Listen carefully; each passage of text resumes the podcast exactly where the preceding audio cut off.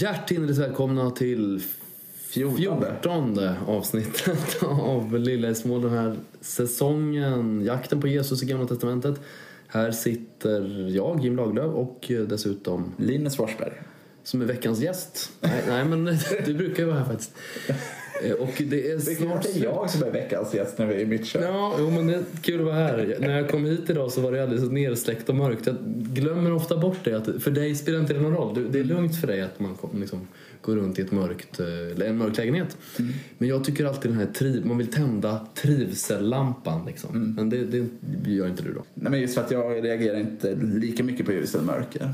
Men när jag flyttade till studenthemmet i Uppsala vid Hannelund så tyckte jag ändå att det var lite, lite mörkt i rummet de första månaderna. Men samtidigt visste jag att det finns en stor, en stor häck utanför fönstret. Så jag tänkte att ja, men det är väl den som faktiskt ändå dämpar solljuset så det inte kommer in så mycket. Nej. Men efter, jag tror det gick en och en halv, två månader så upptäckte jag att persiennen alltså varit neddragen men- hela tiden. Och jag har inte, Ah. jag har inte märkt det, så jag noterat det. Att jag inte gått bort Det är, liksom, det är fantastiskt. kolla på fönstret. Nej, det, där snackar vi Så då vred jag upp det och aldrig har rummet haft så mycket ljus. Oh, fantastiskt, nej, det är ju otroligt. Ja, ja, nej, men absolut. Och lite så är det när man kommer hem till dig. Men det känns ändå väldigt vänligt och trevligt. Och jag sitter här vid ett glas vatten vid ditt köksbord. Blå eh, bordsduk. Kanske inför adventstiden som börjar på söndag. Eh, det är fortfarande alldeles precis i slutet av eh, det här kyrkoåret. Och eh, ja, jag tycker det är kul att säga slutet är nära i sådana här situationer. Men det, det är också Himmelriket är nära. Himmelriket är nära. Det finns ju en väldigt speciell psalm som börjar Vi går mot döden vart vi går. Känner du till den? Nej. Nej, den finns i Svenska psalmboken och den heter Vi går mot döden vart vi går. Och den, den betonar lite grann, som man kan gissa, betonar lite grann det jobbiga i livet då. Men den sista versen är i alla fall Vi går mot himlen vart vi går. Och det är ju verkligen hoppet och längtan. Och jag, jag tycker mycket om att, att tänka på himlen. Det kanske ni som känner mig vet om. Och då brukar till exempel min mamma säga Ja, men Jim, vi ska ju leva här och nu. Ja, himlen är här och nu. Den är extremt närvarande, tycker jag, himlen. Det är något av det mest närvarande, särskilt eh, om man tycker om att promenera utomhus. Himlen är, är så otroligt uttrycksfull. Alltså den, den fysiska himlen som man ser ovanför sig. Så jag förstår att vi verkligen har valt det ordet för att beskriva Guds rike. Ja, precis. Vi kommer, aldrig, vi kommer ju aldrig bort från himlen. Så vi, kan, vi kan vara instängda så att vi inte eh, liksom ser himlen så att det kan vara väggar och tak och inga fönster. Eller i mitt fall. Persiennerna nere. Men himlen är ju fortfarande egentligen där ute. Så Jo, Gud är alltid den, den närvarande, det tror jag. Himmelriket är alltid närvarande. Sen beror det på hur jag förhåller mig till det. Nej, men vi, vi kör vidare. Vi drar på direkt. Vad, vad är det ni ska läsa på första advent från Gamla Testamentet?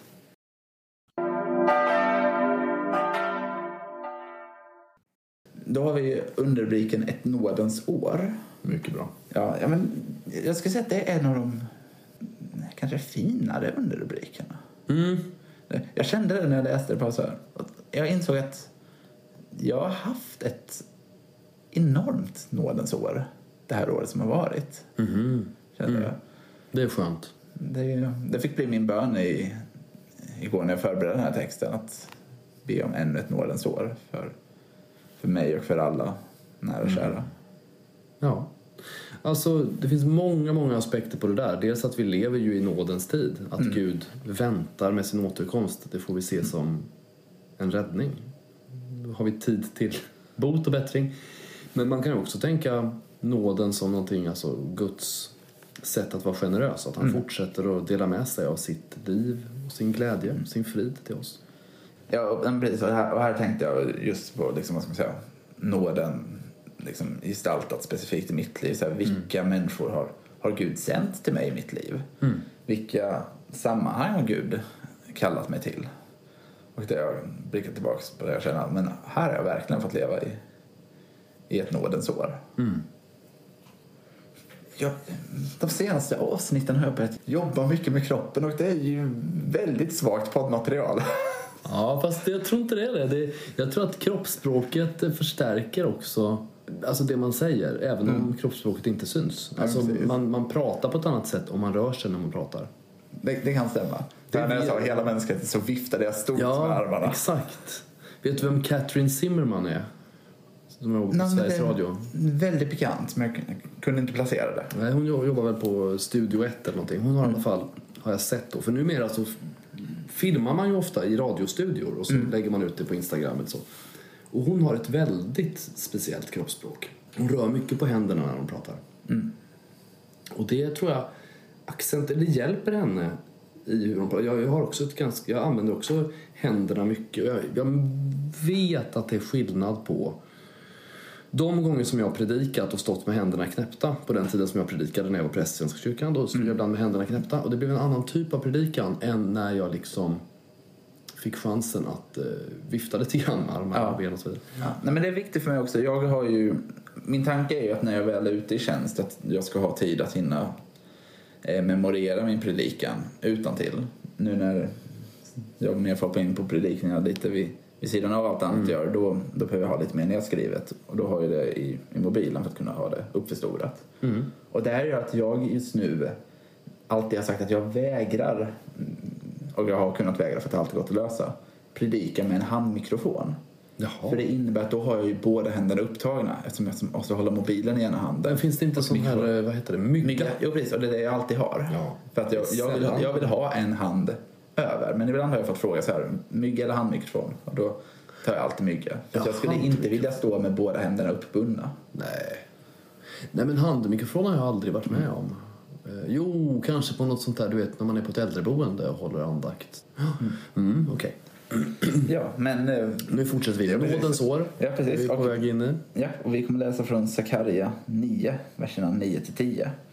Och här får vi höra eh, det är Sions konung han ska- rida in på en åsna och utropa fred. Och var hittar vi Jesus i det här Jim? Jag har ingen aning. Nej, då, men det, det jag tänker på intåget till Jerusalem, ja. Jo, precis. Det är, vi säger ju att det här, den här säsongen ska vara jakten på Jesus i Gamla Testamentet. Och eh, ibland, ja, precis. ibland är det väldigt... Det behövdes inte förstoringsglas. Nej. Och det säger ändå en person med glassynnedsättning. Det- Nej, men jag tänker, det finns mycket man skulle kunna fastna vid. Jag kommer komma tillbaka till ett tema som jag också fick höra en predikan på för ett år sedan som jag tyckte var intressant. Men först så vill jag stanna lite vid, för adventstiden då går vi ju mot jul. Och det finns ju den här frågan som teologer ibland tvistar kring. Julen eller påsken? Vilken är den viktigaste kristna högtiden? Tvistar de om det? Eh, ja, i och för sig, det beror på hur man ser det. det eh, man kan säga att påsken beror på julen. Alltså om inte Jesus hade fötts hade han inte kunnat offra sig. Men det är klart att påsken är höjdpunkten, tänker man ju. Eller? Ja, nej, men precis. Nej, för jag funderar på lite. För att jag, jag nämnde det för några veckor sedan att jag läste en kurs om 1900-talsteologi, katolsk och eh, luthersk. Och där gick de igenom en, en av de större teologiska striderna samfunden emellan med frågan om det är inkarnationen eller korset som är det mest centrala. Och där, men att man sen också började närma sig och just ändå insett att de här måste få bygga på varandra. Men att det började med att katoliker i större utsträckning betonade inkarnationen som det är här det händer. Vad intressant. Och lutheranerna betonade Spännande. korsets teologi, att ja, det är här det händer. Och eh, utifrån det, då blir det ju... Då har jag tänkt att ja, men katoliker kanske svarar julen mer på den här frågan och lutheraner svarar påsken mer på frågan. Men eh, det här var också Det tidigt 1900-tal. Sverige, I Sverige är det globalt. så tror jag. Alltså, ver- I Sverige är det verkligen så att julen är den största högtiden på året för de allra flesta. Och eh, påsken är stor för några få. Bland annat katolikerna som firar påsken väldigt, väldigt intensivt. Men Ja, men intressant. ja. Inkarnationen är ju såklart... Eh, man, man kan ju betona inkarnationen som otroligt central och viktig och det tror jag katoliker gör eh, utan att betona julen framför påsken. Men det, ja, intressant. Ja, det här gav mig många tankar. Men precis. Ja, men som du säger, I Sverige så är det ju väldigt tydligt att julen är större än påsken. Du sa det i våras att du hade haft samtal med någon som sa att det är tråkigt att påsken är så kort. Mm. Bara, ja, men, vi har haft en fasta här. Ja, visst. och sen är det ju 50 dagar också. 50 dagars påsk. Ja, men Efter precis. 40 dagars. Fa- Fasta med te. Precis. Det jag skulle vilja komma in lite på här att eh, det är klart att prata om. Man skulle kunna prata väldigt mycket om själva intåget, om, Ja. om, om Jesus och vad det innebär här. Men den eh, predikan jag hörde för något år sedan var en lång predikan enbart om åsnan. Ja, det är ju en klassiker va? Jo. Är det inte många som vill prata om åsnan? Det har jag också gjort. Ja, jag, jag har hört att många vill prata om det men jag har bara hört en göra det. Jaha. Mm. Så att, eh, Vad sa han då, eller hon? Nej, men han var ju inne på just det, eh, ja, men, det fina över både liksom vad det betyder för åsnan, hur den som kanske inte var liksom den, den grandiose får bli liksom den större. Och det här hör ju samman med många teman, den största ska bli minst, minst ska bli störst. Den första ska bli sist, sist ska bli först. Att, Det är nästan som att du rimmar också här i... Är det inför jul? jo, precis. Det, Ja. precis, det är mitt rim. Grattis, här får du en åsna. Mycket bra. Ja. Ja, nej, men att, eh, Och det är ju lite så Gud också jobbar med oss människor. Att jämfört med... Inför Gud så skulle vi egentligen kunna vara ganska värdelösa om jag spetsar till lite. Det är inte helt värdelösa men så här, i, i förhållande till storhet i förhållande till Guds kapacitet. Så här, varför skulle Gud välja ut oss människor att utföra de uppgifter som Gud skulle kunna göra mycket bättre? Men Gud vill ju välja ut oss. Gud väljer att göra det. Mm. Och på samma sätt som att det finns så många som skulle kunna göra det här jobbet bättre än åsnan. Men åsnan blir utvald. Direkt så känner jag att jag vill ehm, säga emot dig där. Men, Ja. eh, Och då säger jag så här. Om Gud väljer åsnan, då tror jag vi ska lita på hans omdöme där. Ja. Eh, Det kanske är åsnan som hade gjort det bäst. Ja, men, Om du förstår mig, men jag fattar Ja. ju poängen. ja, ja nej, men, och det, och det är lite det jag menar. Att vi eh, människor har ett sätt att tänka på. Mm. Men som inte alltid, för att uttrycka det milt, är Guds sätt att, tänka på saker och ting. Nej. Och eh, det finns ju, vi, ja, vi måste ha varit inne på det här förr, det är ju också en klassiker i bland konfirmationssammanhang. Att det finns ju den här filmen eh, Prinsen av Egypten. Mm. Och där den bästa sången Ja, där är ju... det har vi varit inne Ja, på. precis. Through Heaven's Eyes. Ja. Vi ser en åsna som är, ja, men den är kanske lat, den är inte lika stark, den är inte lika snabb. Den är framförallt dum. Ja, ja men ju precis. säga. Dum som en åsna. Men Gud, om vi ser på åsnan genom himlens ögon så ser Gud tydligen något, ser Gud något större än det vi ser. Det är också ett föl, va?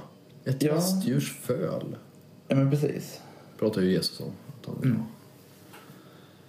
Och jag tänker att det som jag personligen kommer vilja ägna min, min adventstid åt det är verkligen att försöka se mer av det.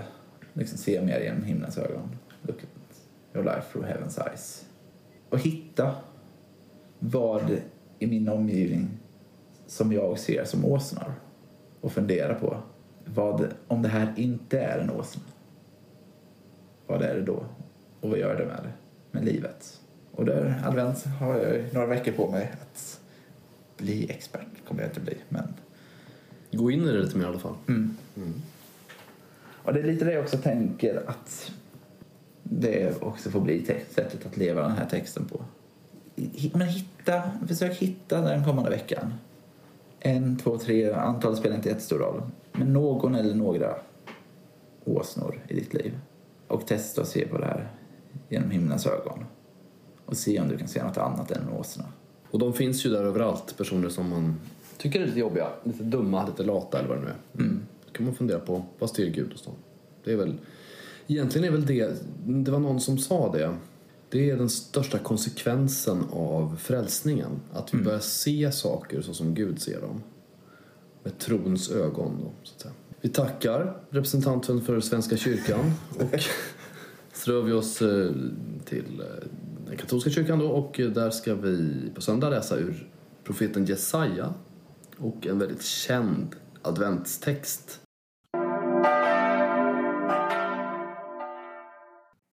Messias då som en fredsfurste eh, som ska skänka alla folk fred och som det här på det här vackra sättet uttrycks det att man ska smida om spjuten och svärden de ska bli vingårdsknivar. Alltså de ska användas i vingården istället för på slagfältet. Och eh, därför vill jag prata lite grann om fred.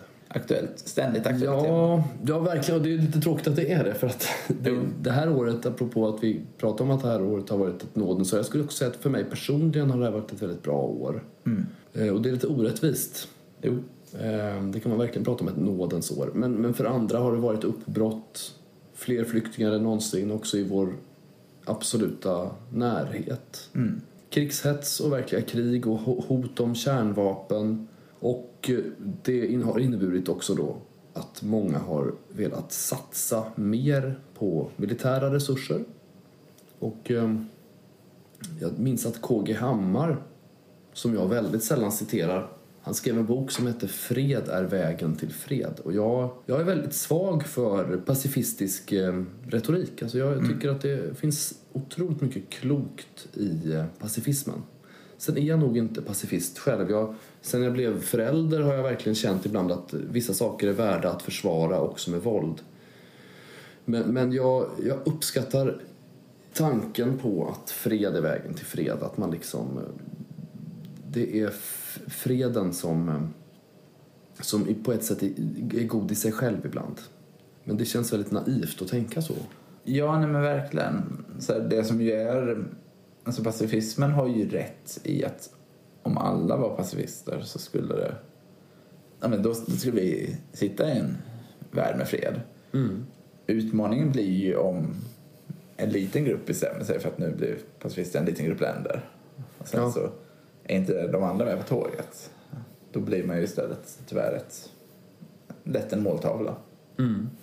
Och Det är lätt att se då, jag, jag tycker det är otroligt nära till hands att se Jesu rättegång, Jesus inför Pontius Pilatus, hur Jesus förhåller sig där. Det är också Jesaja som skriver det, att, att han är som ett får som förs till slakt och att han, liksom, han är tyst, han är passiv, han säger inte emot.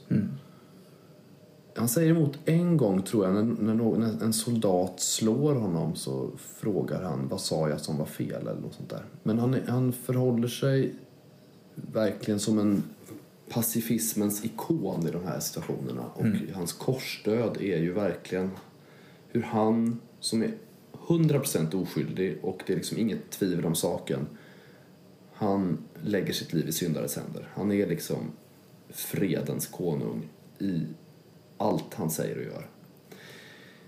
Ändå så är Messias-bilden i Gamla Testamentet så präglad av att Gud för att skapa fred också måste slå undan, slå ner, utrota, förstöra det onda. Ja men verkligen. Och det är frågan hur han ska göra det. Ja, men precis. Om det är som du säger, det mycket handlar om att det kommer komma fred. Vi ska bara besegra de här först. Eller Ja. ta, ta tillbaka det här, den här marken. Då blir det fred. Ja. Ja, verkligen. De, de orättfärdiga ska förintas och sen blir det fred. Mm. Sådana saker. Och det, man kan väl säga, de fattigas, de eh, utarmades, de orättvist behandlades hopp att de, deras förtryckare då ska huggas ner och eh, på det sättet ska man skapa fred. Det är, alltså en, det är ju revolutionen vi pratar om. Eh, Och jag tycker inte Jesus, han visar aldrig fram revolutionen som modell Nej. för sitt samhälls, för sitt liksom gudsrikets, det som han vill göra. Så finns det någon annan väg då till fred än att man liksom bombar sönder alla onda. En gång så berättar Jesus om en åker med, där någon har sått eh, ogräs. Där den onde har varit på natten och sått ogräs. Och då vill eh, tjänarna rycka upp ogräset men då säger han som äger åkern vänta för risken är att de råkar rycka upp den goda sådden samtidigt som de rycker upp den onda. Jag tycker det, det finns så mycket visdom i de orden från Jesus. Sannerligen. Men det är otroligt svårt att veta hur man ska... För det är precis den här invändningen som du gav uttryck för. Alltså, om man själv är pacifist i ett sammanhang, ett samhälle som ehm, ja, hatar rättvisa eller fred eller, eller frihet och vill slå ner det. Eh, Alltså hur ska man förhålla sig till den här världens ondska kan man komma där bara och vara fredlig mot dem som slår ner de fredliga? Man kan tänka på protesterna i Iran till exempel som är nu. Ja, men precis. Alltså det som är sättet att lösa det på och här stänger jag in stort att många, många, många, många gånger lättare sagt än gjort. Mm. Men någonstans är det ju att inte låta ondskan börja få blomning. Det vill säga inte försöka reparera när ondskan redan tar sig uttryck. Mm. Och det kan göra på många sätt. Det, det är, inom kristendom pratar man i många sammanhang betonar så här, men barn som växer upp i trygga familjer. Om man får med sig goda värderingar därifrån. har också kommit en del studier på det nu på sistone. Att just eh, i lite mindre avskala om man kollar på gängkriminaliteten i Sverige. Så visar mm. studier att ja, men barn som har haft liksom trygg uppväxt, fått med sig tydliga eh, från samhällets perspektiv goda värderingar. De har i princip varit liksom immuna mot att dras in i, i den grova kriminaliteten. Ja. Nej, verkligen. Och det mycket, mycket handlar ju om att bygga i det lilla. Det skulle man också kunna säga var veckans tips då från eller hur man lever det här. Ja, men var fredlig själv. Ja. Mm. Hur lätt eller svårt det än är. Starta inga konflikter. Men jag tänker inte säga det. Nej. För jag tycker att det finns en komplexitet här som är lite komplicerad. Det verkar som att det, fred är inte alltid ett självändamål i ett läge när det, när det faktiskt står olika utgångspunkter mot varandra. Mm. Eh, vi kan inte kräva av människor att de ska vara tysta, sitta still i båten, bara liksom uh, inte blanda sig i bara för att det ska fortsätta vara lugnt. Utan ibland är det faktiskt värt att ta fighten mm. för det goda på ett bra sätt såklart. Försvarskrig är rättfärdigt eh, i slutändan. Sen så är det ett, en, känsla av både och.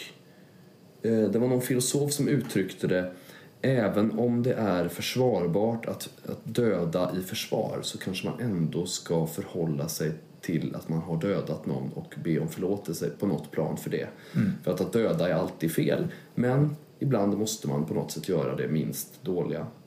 Så fred är kanske vägen till fred på ett plan. Men det är också så att vi ibland måste stå upp för det som vi tror är rätt. Mm. Och det är också gott i sig självt. Eh, det är också liksom vad Jesus gör på korset. Han visar vägen till himlen i sitt sätt att vara och går all in för sanningens skull. Inte bara för att han vill vara snäll eller trevlig eller undvika en konflikt. Ja, men det tror jag att det ligger, det ligger väldigt mycket i det där. Jag, jag uppskattar det du också säger att göra det som man måste men samtidigt inte bli nonchalant inför det. Nej. Utan så jag förstår allvaret i det som, som är nödvändigt att ske be om förlåtelse, be om vägledning, be om kraft att inte behöva göra mer eller råka göra mer än vad som är nödvändigt. Där tänker jag att det ligger en nyckel. Jo, och den nyckeln ska få låsa upp det nya kyrkoåret för Linus och mig och för er som har lyssnat. Eh, med de orden så säger vi vi hörs nästa år. Hej då!